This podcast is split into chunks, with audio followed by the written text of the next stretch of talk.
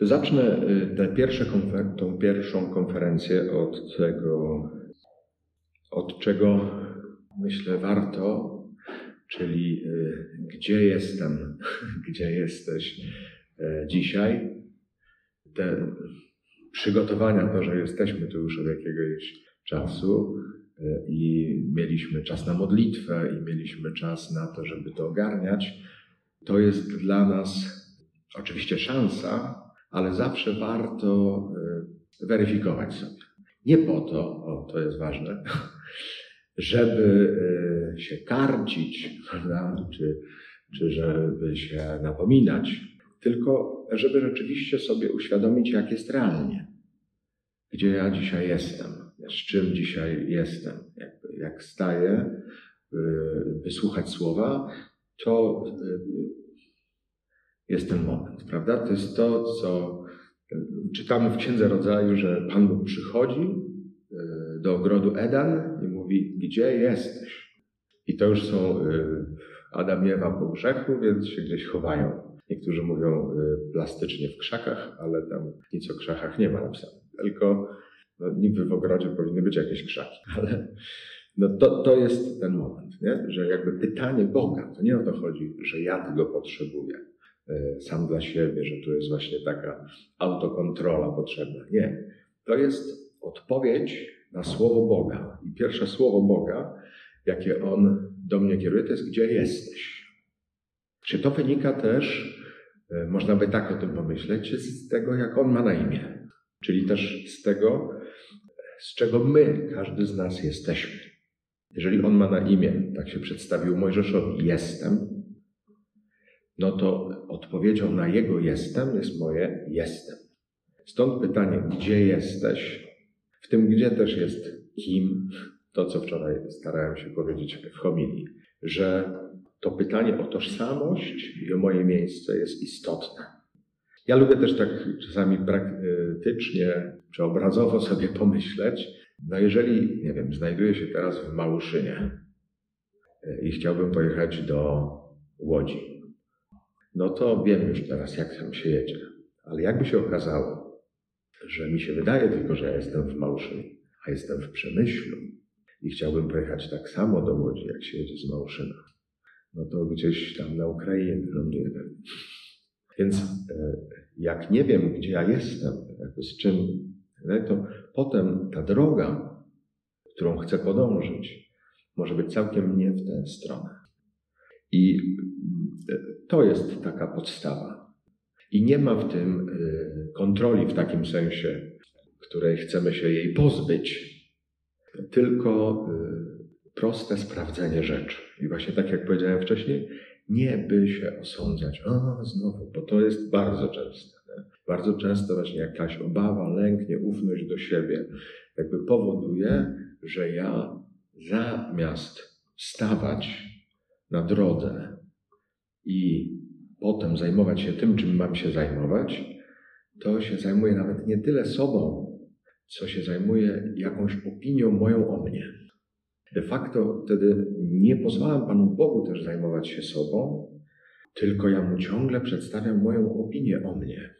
I mówię, mówię mu, zajmuj się moją opinią o mnie. A Pan Bóg mówi, a mnie to w ogóle nie obchodzi, bo ja mam swoją opinię o Tobie.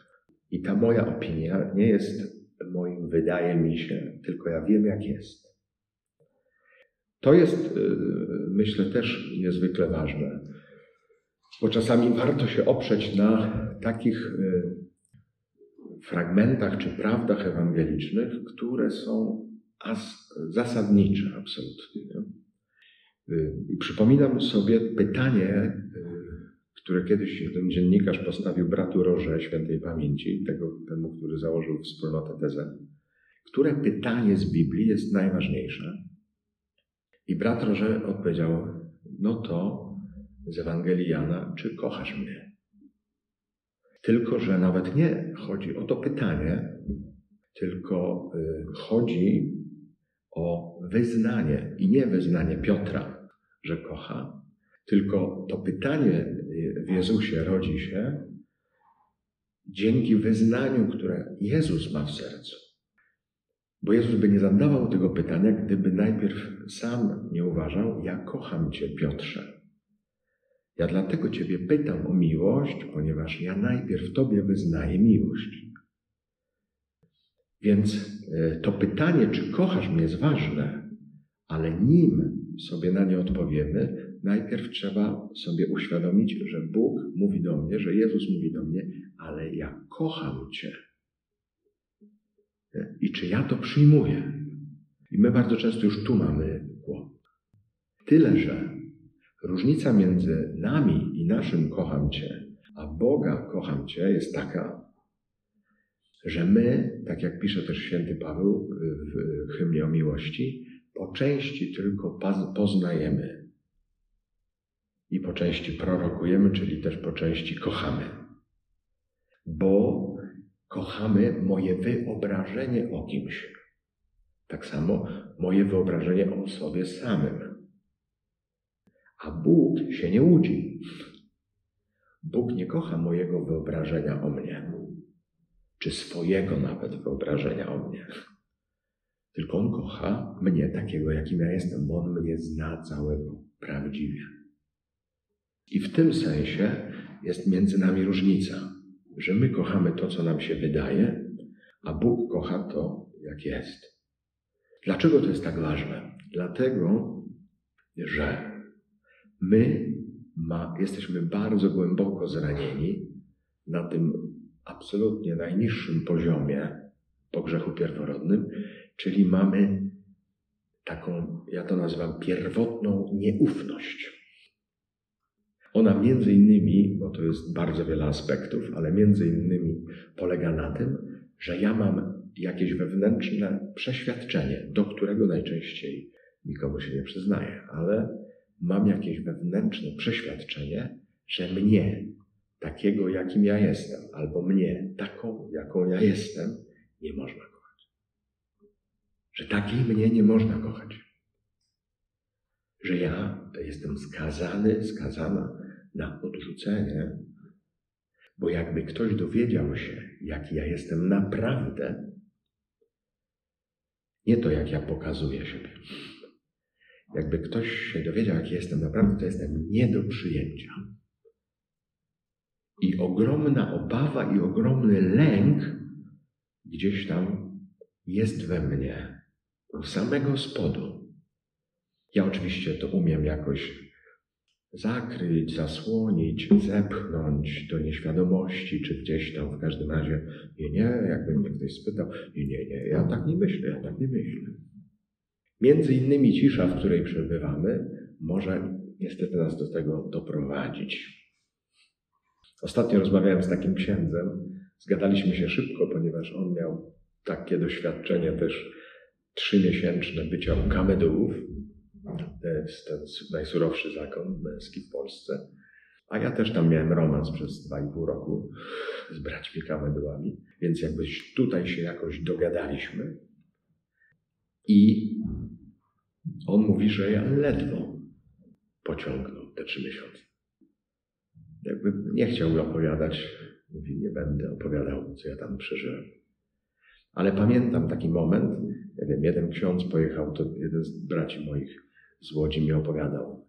Spotkali się na e, takich rekolekcjach w Ciszu Albertynów, na takich dłuższych, dłuższych. I on nie wytrzymał, uciekł. Ksiądz po prostu nocą uciekł. Więc to nie jest proste.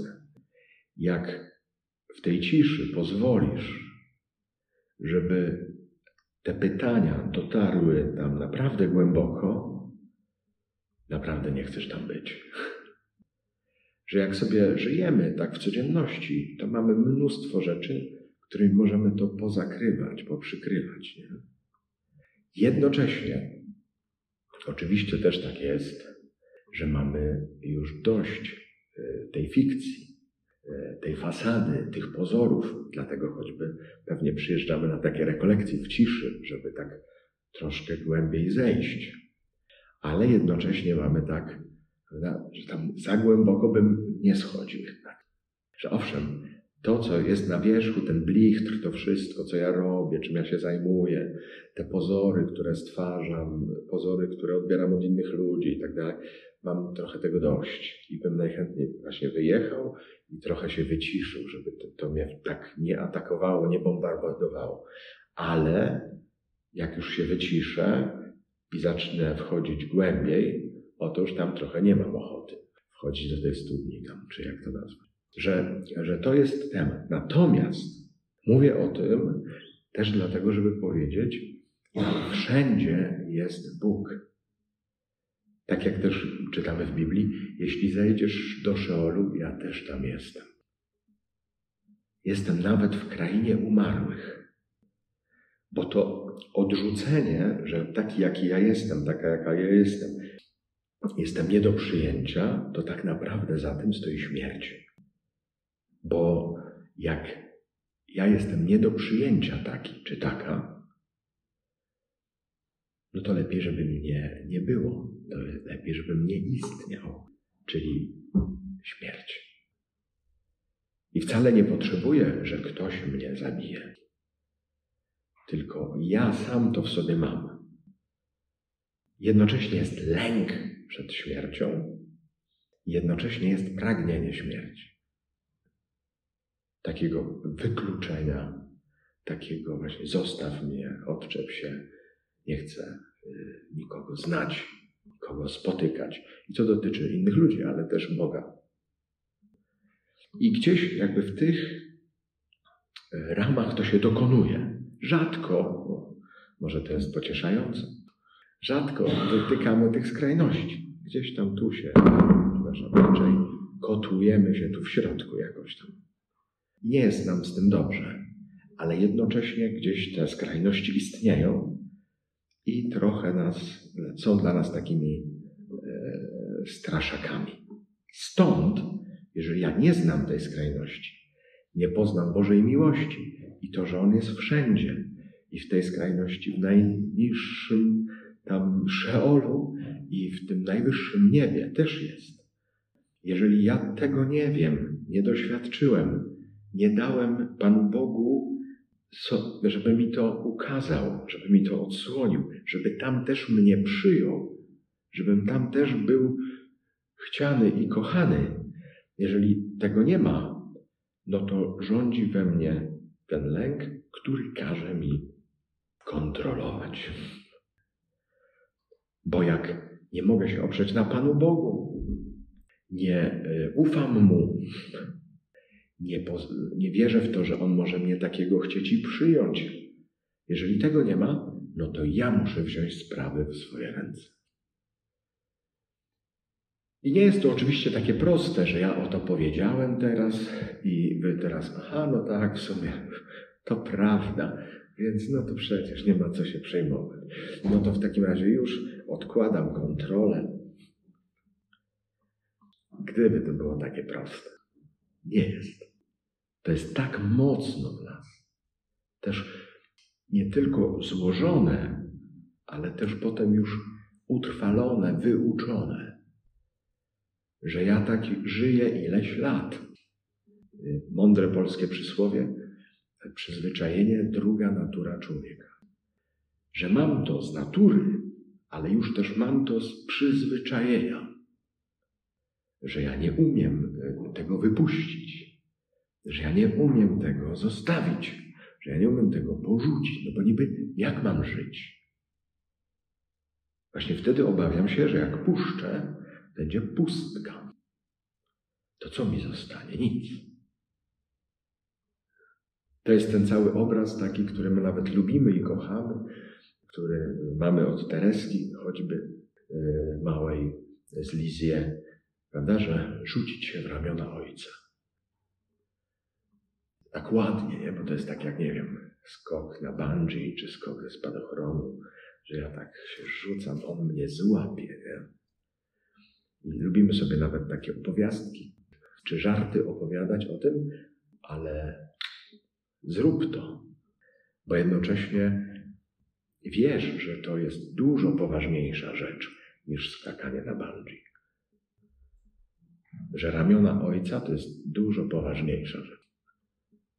że ja na tą chwilę jeszcze mógłbym się odważyć, bo potem wiem, że mnie wciągną na tej gumie, czy tam opuszczą i już będzie po wszystkim. Nie? Natomiast tu to jest zaproszenie do trwałej relacji. Że to nie jest jednorazowe. To ma taki wymiar, że ja muszę w pewnym momencie się na to zdecydować, ale to jest początek, który nie ma końca. Tak samo jak pojawiamy się na tym świecie, rodzimy, a potem już jesteśmy na życie wieczne. To już nie ma końca. Życie się zmienia, ale się nie kończy. Więc w tym jest jakby takie źródło. Nim e, zacznę opowiadać e, to, o co zasadniczo chodzi w tej konferencji, warto to sobie uświadomić. Jesteśmy w takiej sytuacji. Na to pytanie, gdzie jesteś, Pana Boga, ja odpowiadam bardzo często, nie wiem. I to nie jest zła odpowiedź. Jeżeli jest prawdziwa, to jest dobra odpowiedź.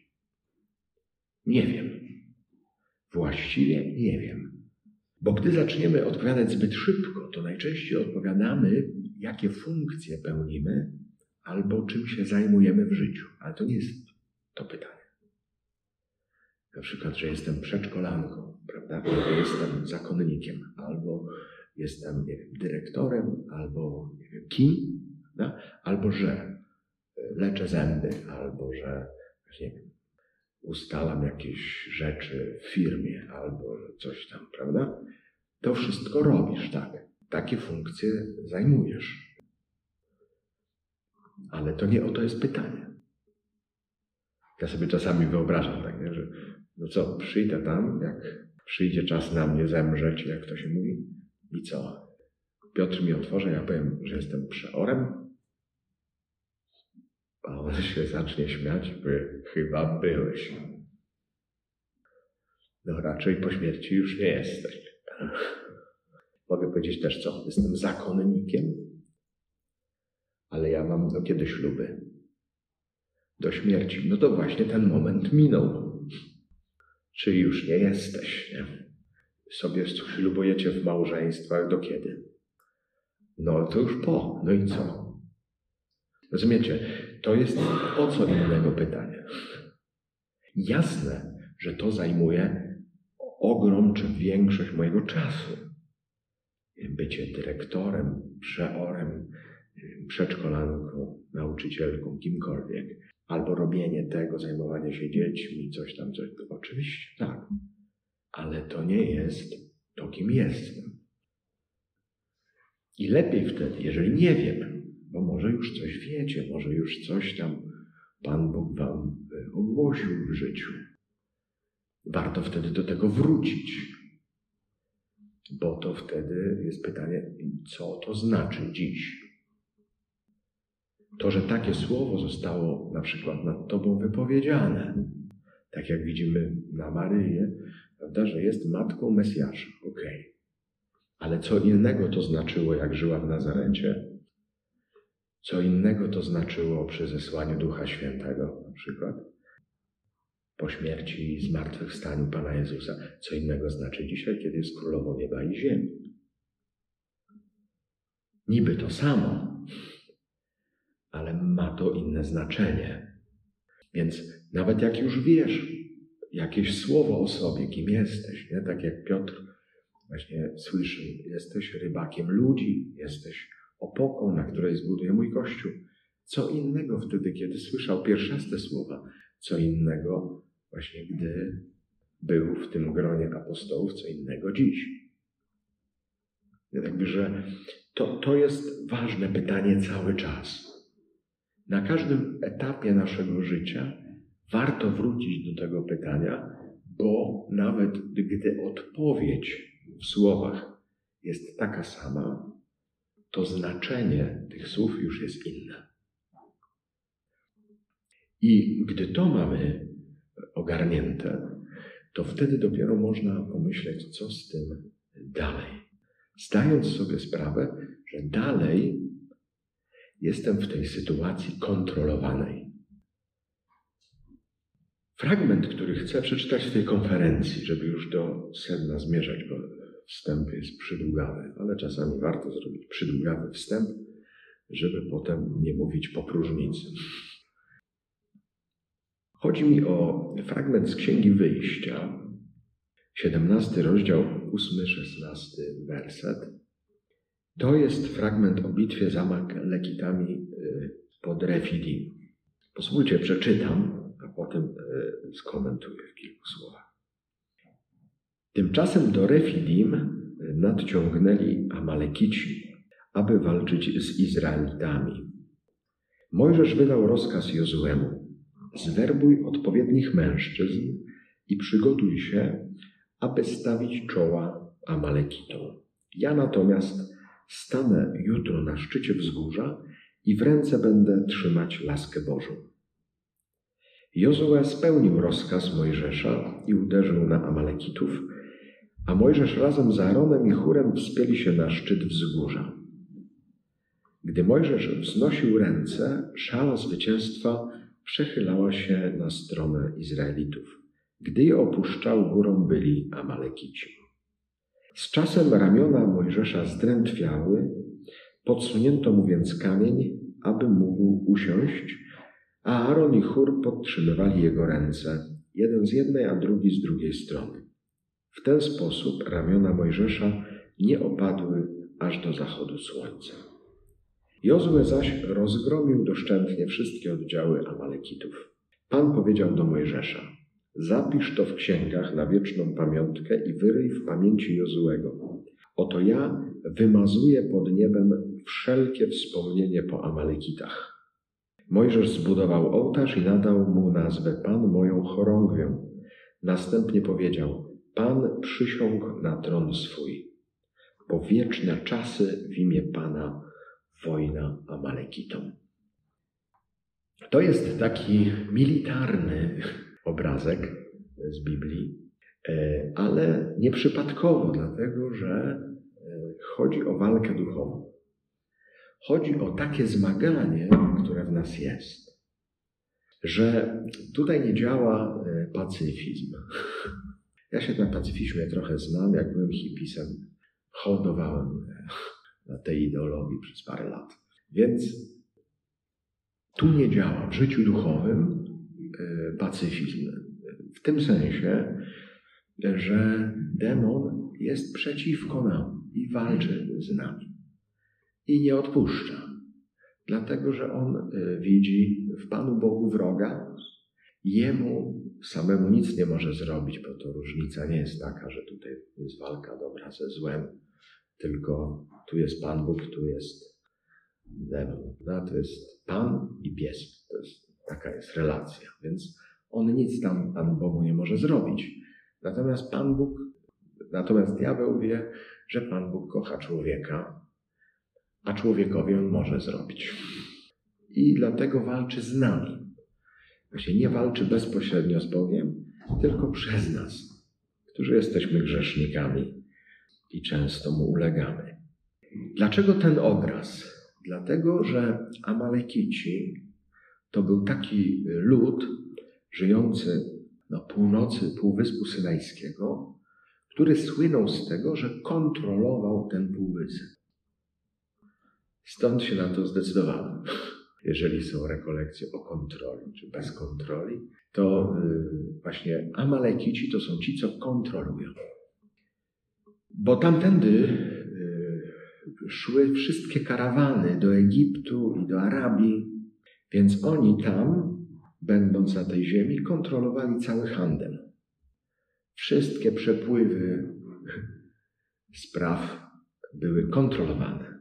I oczywiście ten fragment czytamy niedosłownie, ale alegorycznie dla nas, no bo nie znamy chyba żadnego Amalekity, tak w tym sensie fizycznym. Natomiast myślę, że bardzo dobrze znamy Amalekitów, którzy są w nas. Czyli te demony, które chcą kontrolować moje życie, które chcą mi dawać wykładnie, co jest co, co na czym ma polegać, co ja mogę, czego nie mogę, na co mi pozwolą, na co mi nie pozwolą. Nie? To jakby oni chcą tutaj rządzić. Jeżeli się tylko w tym zorientujemy, że tak jest, między innymi to jest jedna z części odpowiedzi na to pytanie, gdzie jestem. Że jestem na Półwyspie Synajskim kontrolowanym przez Amalekitów. Czy jestem na pustyni razem z Izraelem, a tam kontrolować chcą sprawy Amalekici. I Mojżesz, który tam się znajduje, jak czytamy Mojżesz, to możemy myśleć Jezus, możemy myśleć Bóg, prorok, ten, który jest od Boga. On mówi, nie może tak być. Nie może tak być, żeby Amalekici nas kontrolowali. Więc pierwszy w ogóle krok, może się już powtórzę, ale to jest zdanie sobie sprawy z tego, jak jest, w jakiej jestem sytuacji. Jeżeli uznam to, że jestem na tym półwyspie synajskim i chcę być kontrolowany przez Amalekitów, taka jest sytuacja. Oni właśnie nadciągnęli, żeby walczyć ze mną. Chcą zwyciężyć i jeżeli zwyciężą, będą kontrolować. Jeżeli ja sobie zdaję, taką mam sytuację, staję w tej sytuacji, nie uciekam, nie wycofuję się, nie lekceważę tego, nie pomijam i tak dalej. Nie. Uznaję, taka jest moja sytuacja. To teraz, co ja mogę dalej zrobić? Bo tak jak już wspomniałem, samo się nie zrobi. I czytamy, bo to jest bardzo piękne słowo, mądre, żeby nas pouczyć, co mamy robić. Mojżesz, czytamy w dziewiątym wersecie, wydał rozkaz Jozuemu: Zwerbuj odpowiednich mężczyzn i przygotuj się, aby stawić czoła Amalekitom. Jak ja mogę zebrać odpowiednich mężczyzn i przygotować się, żeby stawić czoła? To jest ten punkt, prawda? W jaki sposób ja mogę się przygotować? Ja bardzo często spotykam takich ludzi, którzy do mnie przychodzą i mówią: No ale co ja mam zrobić? Kiepsko mam w życiu, nie radzę sobie, coś mnie ciągle e, przygniata. Co ja mam zrobić? No ale co chcesz? No stwierdziłeś, dotarło to do ciebie, to jest ważny moment, że jesteś atakowany, że jest ci ciężko, że jesteś w ucisku. Jak się przygotować? Czego ty potrzebujesz, żeby nabrać siły do walki, która jest przed tobą? Bo my od razu myślimy, tak najczęściej jest, może dlatego, że żyjemy w kulturze instant, czyli że sypiesz łyżkę kawy, zalejesz i już masz. Więc trochę tak to nie działa. No chociaż można powiedzieć, trzeba pójść do żabki, biedronki czy innej, prawda, żeby tą kawę kupić, sama się nie kupi i tak dalej, i tak dalej. Może tu jest trochę bardziej skomplikowana rzecz. Tu w kawie jest tak, że ktoś inny za nas to wszystko zrobił, żeby potem tylko zalać. Nie? Natomiast tu ja mam, znając siebie, odpowiedzieć sobie na pytanie, czego ja potrzebuję, żeby być gotowy do walki. Znaczy, gdzie mam nabrać siły? Zebrać odpowiednich mężczyzn, czyli mężczyzn gotowych do walki, czyli gdzie mam zebrać takie siły, które są we mnie, które są gotowe do walki. I oczywiście, nie wiem, przynajmniej ja się na tym łapię i na to, dlatego mówię, żeby y, przestrzec. Ja jestem y, synem rzeźnika. Wyglądam jak wyglądam, widzicie. Więc ja od dziecka byłem wychowywany w takiej y, kulturze siły, nazwijmy to. Jak jeszcze byłem małym chłopcem, mój tato kazał mnie, moim dwóm braciom i mojej mamie stanąć na takiej ławce i nas całą czwórkę tak wziął pod kolana i podniósł do góry Ja uważałem, że to jest najsilniejszy człowiek świata. Jakby potem złapałem się na tym, jak już byłem zakonnikiem, że ja w życiu duchowym szukam tylko tego, co silne. Jak ja słyszałem, mała droga, Teresa Wielka, o tak, mała. To był mój kłopot. Ja musiałem nauczyć się zmaleć, żeby się nauczyć, jak walczy Bóg małą drogą. Bo byłem zbytnio skoncentrowany na tym, co silne. Ale może być odwrotnie. Może ktoś myśli, a ja tylko tak, a sobie tak, tego to Panie, bądź miłosierny. I nigdy nie jestem zdolny do walki. Nie jestem w stanie wziąć miecza, by walczyć. Ale nie o to chodzi, że tutaj chodzi właśnie siła. Nie. Coś, co jest skuteczne. Jak czytamy Biblię, patrzysz, nie wiem, na Judytę, jest wiele kobiet, które wydają się no takie bardziej kruche. Faceci, jest wiele takich sytuacji w Biblii. Nie dają rady, są bezradni i wychodzi taka kobietka i załatwia temat. Szczytem jest Maryja.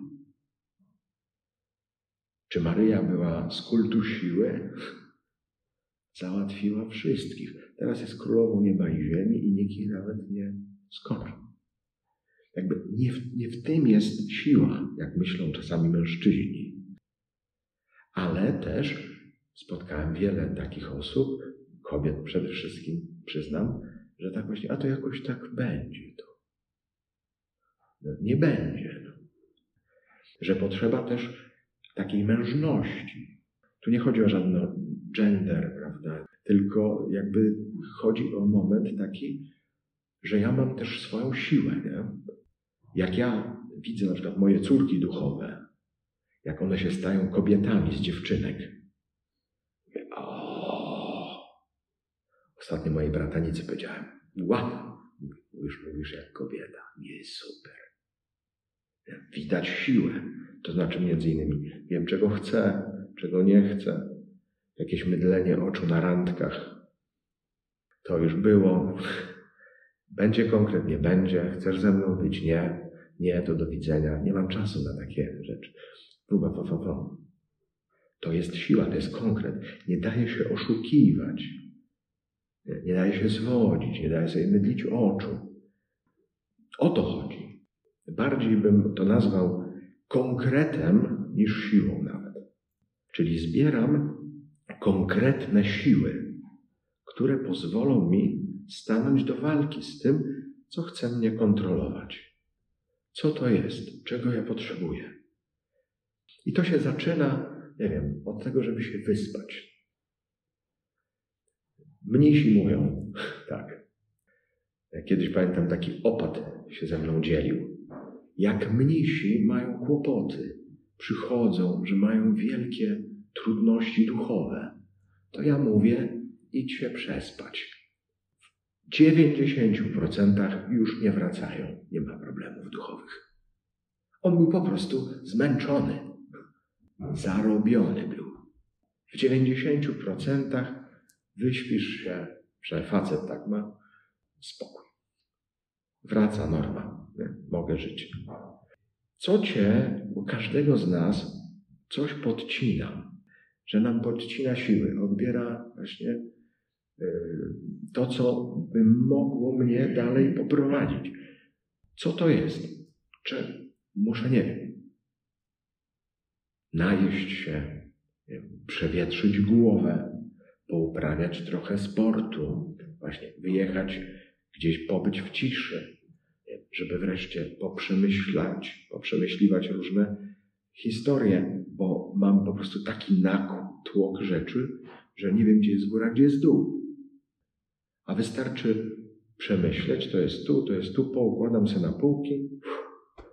Czasami to jest tak proste, w większości bym powiedział, tak proste, jak posprzątać w pokoju. Że wchodzisz, po prostu nie wiesz za co się brać, a potem masz posprzątane i mówisz, aż się chce oddychać, bo, bo widzisz harmonię. Coś się wydarzyło, nie? Pamiętam, jak ważna dla mnie była taka lekcja, bo nie wszystko da się zrobić od razu. Jak ktoś mi powiedział tak, wchodzisz do pokoju i masz w, w głowie myśl, umyję okna. W tym momencie ci się odechciewa żyć. Dlaczego? Bo nie masz siły na to. Ale może miałbyś siłę sprzątnąć książki i zetrzeć kurze z biurka. No, parę książek, jedno, ściereczka. Dam radę. No i zrobiłeś, sprzątnąłeś z biurka, wytarłeś kurz. Nagle, mimo tego, że dałeś energię właśnie, coś jednak popracowałeś, czujesz ku twojemu zdumieniu, że masz jej więcej niż miałeś przed tym sprzątaniem. I myślisz, ha, to może jeszcze zetrę kurze na półkach. Okna? Nie. Ale kurze może tak. Starłeś, myślisz, kurczę, tyle czasu było niestarte, jak to ładnie wygląda.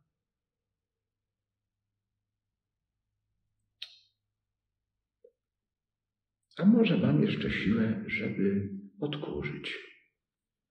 W sumie do odkurzacza dwa kroki. Idę do odkurzacza, odpalam. Myślę sobie, kurczę, jakoś mam więcej siły jeszcze, mimo że tyle zrobiłem, to może podłogę zmyję. Idę po wiadro, zmywam podłogę. Myślę, a jak już wiadro mam, to i okna zmyję. Jest taki paradoks w nas. My się po prostu nie znamy. Myślimy bardzo często, że jak ja robię, to tylko mi ubywa energii. Ale jednocześnie coś takiego jest, że ja coś robię sensownie, to nagle mi do przybywa energii, że mi się zachciewa. To jest przykładowy taki mechanizm. Może nie we wszystkich działa, ale który działa. I patrzę, ha, to może i w życiu duchowym też podobnie mógłbym. Owszem, jest ten moment, potrzeba, że ja muszę się zregenerować, czyli przespać, zjeść, wywietrzyć głowę, poukładać na półeczkach, ale też, że ja potrzebuję pewnego wysiłku duchowego, nie? czy właśnie przyjechanie na takie rekolekcje, czy zdecydowanie się na nowennę pompejańską na przykład, czy nie wiem, na czytanie rozdziału z Biblii, czy cokolwiek innego, czego zaczynam pilnować i nagle widzę, że to mnie buduje, że to mnie rozwija, że to mi dodaje sił. I nawet nie wiedziałem o tym, a to właśnie się okazało zwerbowaniem odpowiednich mężczyzn. Że nagle mam nowe siły do walki, których przed chwilą nie miałem, bo zostałem z nich skutecznie okradziony, gdzieś okłamany też w sercu, w głowie, że na pewno to nie przyniesie mi sił, tylko jeszcze mi odbierze. To no, takie rzeczy są raczej, nie wiem, dla zakonników, sióstr zakonnych, coś tam, no nie dla mnie. Nie? I tak z pewną taką nieśmiałością, może bym jednak pojechał czy pojechała na coś takiego. Bez większej wiary w to, że coś to da. Może oczywiście na tym się skończyć.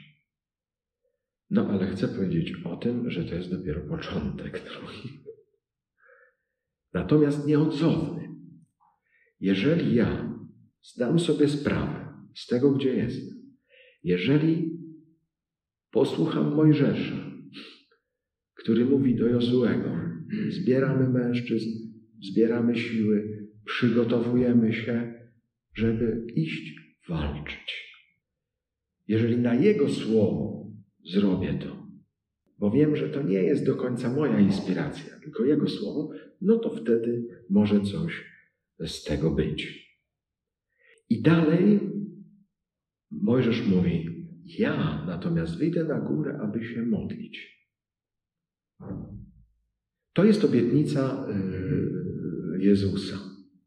Jeżeli ty y, zdecydujesz się na taki krok, jeżeli ty zdecydujesz się na walkę, jeżeli ty zdecydujesz się na to, by zmagać się z Amalekitami, jeżeli poczyniłeś odpowiednie kroki, żeby to zrobić, to ja wtedy, bądź pewny, będę na górze wyciągał ręce. To oczywisty jest, prawda, symbol Jezusa ukrzyżowanego. Jeszcze właśnie będę trzymał laskę w ręku, tak? Będę podtrzymywany przez e, Aarona i Hura. Tak jak jest Jezus też podtrzymywany przez słodkie drzewo, słodkie gwoździe. Jakby, że, że to jest to. Masz zapewnienie mojego wstawiennictwa. Ten obraz bardzo lubią nasze mniszki dominikańskie, bo one widzą, że taka jest ich rola życiowa wobec braci. Bo święty Dominik, jak 800 lat temu ponad, zakładał ten zakon, a siostry założył jeszcze przed braćmi, to e, dał im to jako taki charyzmat i zlecenie, żeby e, stawiały się, omadlały głoszenie braci. Więc my idziemy jak Jozue głosić, a dziewczyny, mniszki za kratą podnoszą ręce. Jak modlą się, to wygrywamy, jak im ręce opadają, to przegrywamy. Więc one lubią ten obraz, ale mówię to również z tego powodu, że jak przyjeżdżacie na przykład do takiego miejsca jak Małszyn, no to są siostry, które trzymają ręce. Ja czasami y, też takie mam doświadczenie osobiste, bo to jest, y, ja sobie to nazywam tak jak y, jeden z filozofów, że jesteśmy karłami na barkach olbrzymów. No ale karzeł, nawet jak siedzi, jak jest karłem, ale siedzi na barkach olbrzyma, to jest wyższy niż olbrzym. Więc w tym sensie nam, nas Pan Bóg wywyższa. W tym sensie nam służy. Jak my sami jesteśmy karłowaci, jeszcze nie umiemy, to możemy się oczywiście przejmować, a co to my jesteśmy do niczego, ale lepszym pomysłem jest wejść na barki olbrzymów. Czyli jadę tam, gdzie jestem wspierany.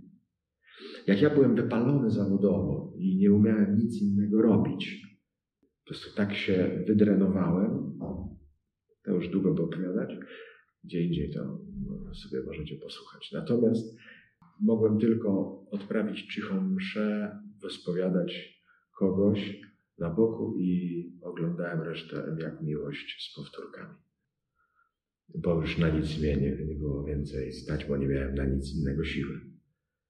I to była ta przygoda z kamedułami, o których wspomniałem, bo wtedy jeździłem do nich i poddawałem się temu rytmowi, które, który oni mieli. I tak wsiadałem po prostu na nich sobie i tak oni mnie nieśli, a ja tak się dałem nosić. No i potrzebowałem te dwa i pół roku, żeby zmartwychwstać. Ale sam bym nie, nie wyszedł. I w tym sensie nie ma takiej możliwości, że ty sam z siebie masz tyle siły, tyle łaski, że wygrasz za Amalekitami. Nie ma szans. Opadają ręce, nie ma modlitwy, nie ma wstawiennictwa, nie ma tego, kto się za tobą wstawia i cię nosi. Przegrywasz. Ta walka duchowa, to wsparcie duchowe jest bardzo ważne. To jest też błąd, który my bardzo często w życiu duchowym e, popełniamy, to jest błąd podstawowy, tak bym powiedział. To widzimy przy rozmnożeniu chleba, e, kiedy właśnie uczniowie mają nawet bardzo dobre chęci i mają współczucie do tych, którzy się zebrali, ale jednej rzeczy, jedną rzecz pomijają. Mówią, mamy siedem chlebów i parę rybek, albo mamy pięć chlebów i dwie ryby, ale co to jest dla tak wielu? Jezus mówi tak naprawdę, czyżby tylko pięć chlebów i dwie ryby? Maryja jest dużo mądrzejsza. Widzimy ją w kanie. Jak zobaczyła, że nie ma wina, to pierwsze co robi, to idzie do Jezusa i mówi: Nie mają wina. I nawet jak Pan Jezus się opiera, tak, czy to moja lub Twoja sprawa niewiasta, to ona już z nim dalej nie rozmawia, tylko mówi do sług: Zróbcie co powie. To jest mądrość Maryi. Bo ci apostołowie tyle chodzili z Panem Jezusem. Mieli go pod nosem, tak jak my. A my pięć chlebów i dwie ryby. A tutaj jest pięć chlebów, dwie ryby i Pan Jezus. I jak masz pięć chlebów i dwie ryby i Pana Jezusa, to masz rozmnożone, nakarmione. Jak masz pięć chlebów i dwie ryby, a zapomnisz, że masz Pana Jezusa, to rzeczywiście, cóż to jest dla tak wielu. Maryja wiedziała, mam Jezusa, będzie wino. To jest mądrość. Nie? Jeżeli ja wiem, owszem, walczę, to nie jest tak, że to się odbędzie beze mnie. Nawet tak jak czytamy w wielu miejscach w Starym Testamencie, Bóg mówi do Izraela: Wyjdźcie do walki, a ja będę za was walczył. Ale wy musicie wyjść do walki. Czasami musieli walczyć i Bóg ich wspierał, czasami w ogóle nie musieli walczyć, bo sam Pan Bóg załatwił temat przez jakieś tam osy, czy tam szerszenie, czy inne rzeczy. W każdym razie, że taka jest sytuacja, ale to jest mądrość, którą zawsze trzeba mieć. Jak widzicie, że staracie się, ciągle coś nie działa, pierwsze pytanie jest, czy ja nie pomijam Jezusa? To znaczy, czy ja go wpuszczam w to? Błąd, który najczęściej, wydaje mi się, popełniamy, to jest taki, że niby go nawet zapraszamy, ale on idzie drugi. Nie dajemy mu pierwszeństwa w tym. Ja tu walczę. Ty walczysz. To jest trochę jak w tym dowcipie, nie wiem, czy to pamiętacie, jak wjeżdża e, facet z węglem prawda, do wioski i, i krzyczy węgiel przywiozłem, węgiel przywiozłem. Nie? A kobyła się odwraca i mówi tak, ty przywiozłeś. Warto czasami tak się otrzeźwić. Tak, ty walczysz. Ja już dawno zwyciężyłem właśnie przez to, że trzymałem ręce wzniesione i dalej trzymam dla Ciebie. Tylko jak Ty dasz mi pierwszeństwo, to to zwycięstwo będzie również obecne w Twoim życiu. Ale jak ciągle będziesz mnie gdzieś umieszczał z tyłu, nie, że w ogóle mnie nie ma, tylko nawet jak jestem na drugim miejscu, to ja już nie mogę tego zrobić. Ja tego też nie zapomnę, jak e, siostra Bridge McKenna, to jest taka siostra, która posługuje rekolekcjami dla kapłanów, kiedyś z moim bratem jednym rozmawiała i e, mówi do niego tak. Modlili się i ona mówi: Idziesz, widzę, pod bardzo stromą górę z Panem Jezusem. Strasznie się męczysz. Tylko dlaczego idzie drugi? Jakby taka jest sytuacja. Dlaczego jego nie puścisz pierwszego? I zobaczysz, że będzie jarzmo słodkie i brzemię lekkie. Ale jak jest drugi, to ty to ciągniesz. A to jest zawsze za ciężkie i gorzkie. Więc to jest ważna rzecz. Już będziemy lądować, bo już mówię prawie godzinę.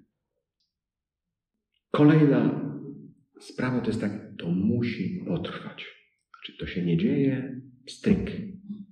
Nie dlatego, żeby Pan Bóg nie umiał zrobić pstryk, tylko że taka jest nasza kondycja, taka jest nasza natura. Pamiętam, jak jeden mnich y, tłumaczył to w taki sposób, że jest to jakoś przekleństwo dla nas, że nie jesteśmy aniołami, ponieważ aniołowie w jednej myśli od razu są przy Bogu. A my musimy iść tak krok po kroku, tak się zmagać, tak się oczyszczać cały czas. To, że to tyle trwa i tyle sił potrzeba. A mówi, ale dobrą nowiną jest tak, że anioł spada też w jednym momencie na sam dno. Tak jak demony. A człowiek tak też powoli się stacza raczej, że ma kiedy się opamiętać i nawrócić. Coś w tym jest takiego, że to musi potrwać, bo taka jest natura. Zarówno w jedną stronę wzwyż, jak i w dół. Ale tak jak widzimy w tym fragmencie, cały dzień do zachodu słońca jest walka. Nie? Że to nie o to chodzi, że o coś jednego ci się uda, raz zwyciężysz z Amalekitami, myślisz, ła. Nie, to jest jedna potyczka. Walczysz cały dzień. Musisz też rozłożyć siły na cały dzień. To, że ty się raz zepniesz, nie wiem, zrobisz akcję, nie wiem, pojedziesz na rekolekcję, świetnie je przeżyjesz, to nie znaczy zwycięstwo. W tej walce tak, ale nam chodzi o to, żeby całkiem wyeliminować Amalekitów.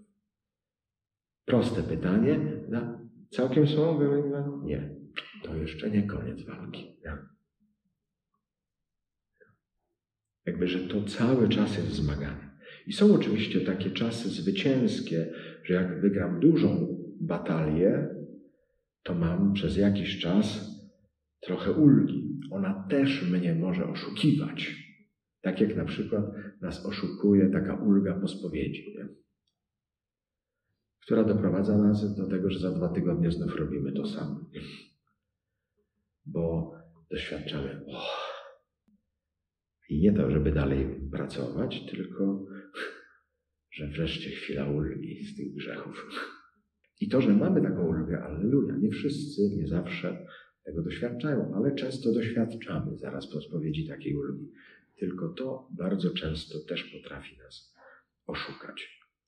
Więc nastawiamy się na dłuższy dystans. To jest też ten moment taki, który jest wyrażony tym, tą koniecznością podtrzymywania właśnie przez tego y, Aarona i Hura że jest ten moment taki, aha, czy tam nie trzeba coś podtrzymać w tej modlitwie.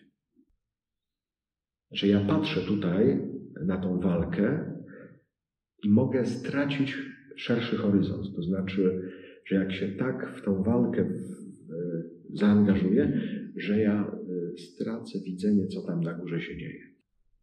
I jakby to może być też pułapka jakaś dla nas. I co jakiś czas warto też na to zwrócić uwagę. Ale co tam na górze? Czy te ręce są? Nie? Czy tam jest to zadbane? Nie? Że to też nie jest takie raz na zawsze trwałe, bo zawsze było. To, to tutaj też trzeba uważać. I już kończąc.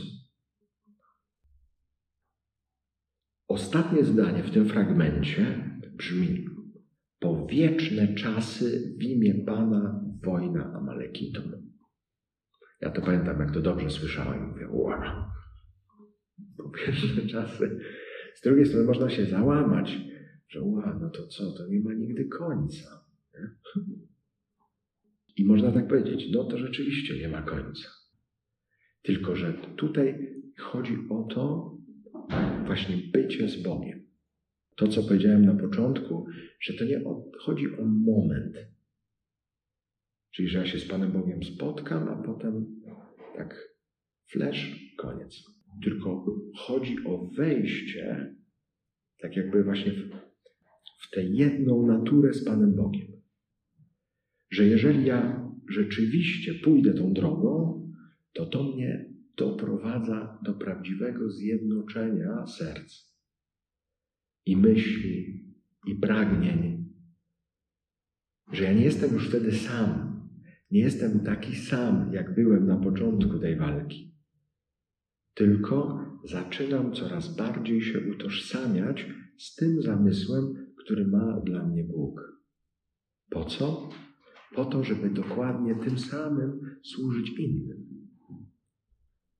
Że to, że ja zwyciężyłem i że tej kontroli jest we mnie coraz mniej, to też jest po to, żeby być światłem dla tych, którzy dopiero zaczynają tę drogę. Że ci, którzy dopiero rozglądają się, a gdzie ja jestem, kim jestem, mogą we mnie zobaczyć takie światło, taką, nie wiem, latarnię morską, taki drogowskaz, który im pokaże tędy. I to nie dzieje się dlatego, że ja to jestem taki super, tylko przez to zjednoczenie w tym zmaganiu jestem przenikany tym zamysłem, tym duchem, który jest w Bogu, który to w ogóle do tego mnie uzdolnił. Że tu się dokonuje jakieś uświęcenie, czy tak jakby wschodni chrześcijanie powiedzieli przebóstwienie. Że nie chodzi tylko o zwycięstwo, tylko chodzi o to, by zamieszkać w ziemi obiecanej. Tyle, że ta ziemia obiecana nie jest gdzieś na zewnątrz, tylko zaczyna gościć we mnie. Zaczyna być światłem we mnie też wobec innych. Jeżeli to światło we mnie zagości i stanie się też światłem dla innych, to ta rzeczywistość, że Pan Bóg jest, jak sama nazwa wskazuje, Panem, jakby uwalnia nas właśnie od tej kontroli, która jest mi obca. A jednocześnie uzdalnia mnie do takiej harmonii i porządku, który we mnie jest, który jest też moją potrzebą. Bo tutaj nie chodzi o to. Kontrolowane nie ma żadnej kontroli. Tylko bardziej chodzi o to, do kogo ja należę i w czyich jestem rękach. Czy innym obrazem mówiąc, kto mnie wypełnia. I to, co chciałem Wam ukazać, to jest droga do, do tego, żeby to osiągnąć. Wiem, powiedziałem dużo słów, dużo zakładłem Wam do głowy. E, e, macie o czym myśleć, macie co przemyśleć. E, można to oczywiście ująć na, nie wiem, tysiąc innych pewnie sposobów. Ten fragment z Księgi Wyjścia z 17 rozdziału wydał mi się bardzo praktyczny, który może nas doprowadzić do tego, o co chodzi. Przychodzi mi już tak na koniec, to już taka wisienka tylko. Jeszcze jeden fragment, który mam poczucie, że powinienem powiedzieć. To jest fragment z Księgi Liczb z 21 rozdziału 4-9. E, nie będę już go czytał, tylko powiem, że to jest ten fragment o tym, jak Izraelici zaczęli szemrać na pustyni i zaczęły ich kąsać węże. Wtedy Mojżesz, znów Mojżesz, uczynił węża z brązu według zalecenia Bożego. Każdy, kto na niego spojrzał, ratował swoje życie. Dopowiadam o tym, dlatego że czasami są ci Amalekici, ale czasami my sami potrafimy sobie zrobić kuku. Że tracimy cierpliwość i zaczynamy szemrać. Na każdym etapie, o którym wcześniej mówiłem. I mówię, nie, to nie dla mnie, nie, to nie. I zaczyna dochodzić do głosu wąż. I zaczynamy być kąsani po kostkach. I wtedy jest lekarstwo na szybko. To spojrzenie na górę, prawda, gdzie stoi Mojżesz, to spojrzenie na krzyż jest takim lekarstwem na szybko. Wtedy nabieram właściwej e, perspektywy. I wystarczy raz spojrzeć i wiem już, gdzie jestem. Czasami można powiedzieć, to jest nieuniknione. Przyjdzie prędzej czy później i nie raz, że się zapętlimy w tym, że się w tej drodze pogubimy. Wtedy potrzebujemy azymutu takiego. I tym azymutem jest krzyż. Spojrzysz raz na niego, bo tu nie chodzi o krzyż w sensie coś, tylko ktoś, że on jest, że kocha, że to nie jest fikcja, że oddał za nas swoje życie z miłości. To jest prawda. Za tym, co ja robię, co chcę czynić, jak chcę żyć, stoi on. Od niego zaczynam i w nim znajduję dopełnienie i w nim kończę. Tak ma być. Może niech na teraz starczy. Amen.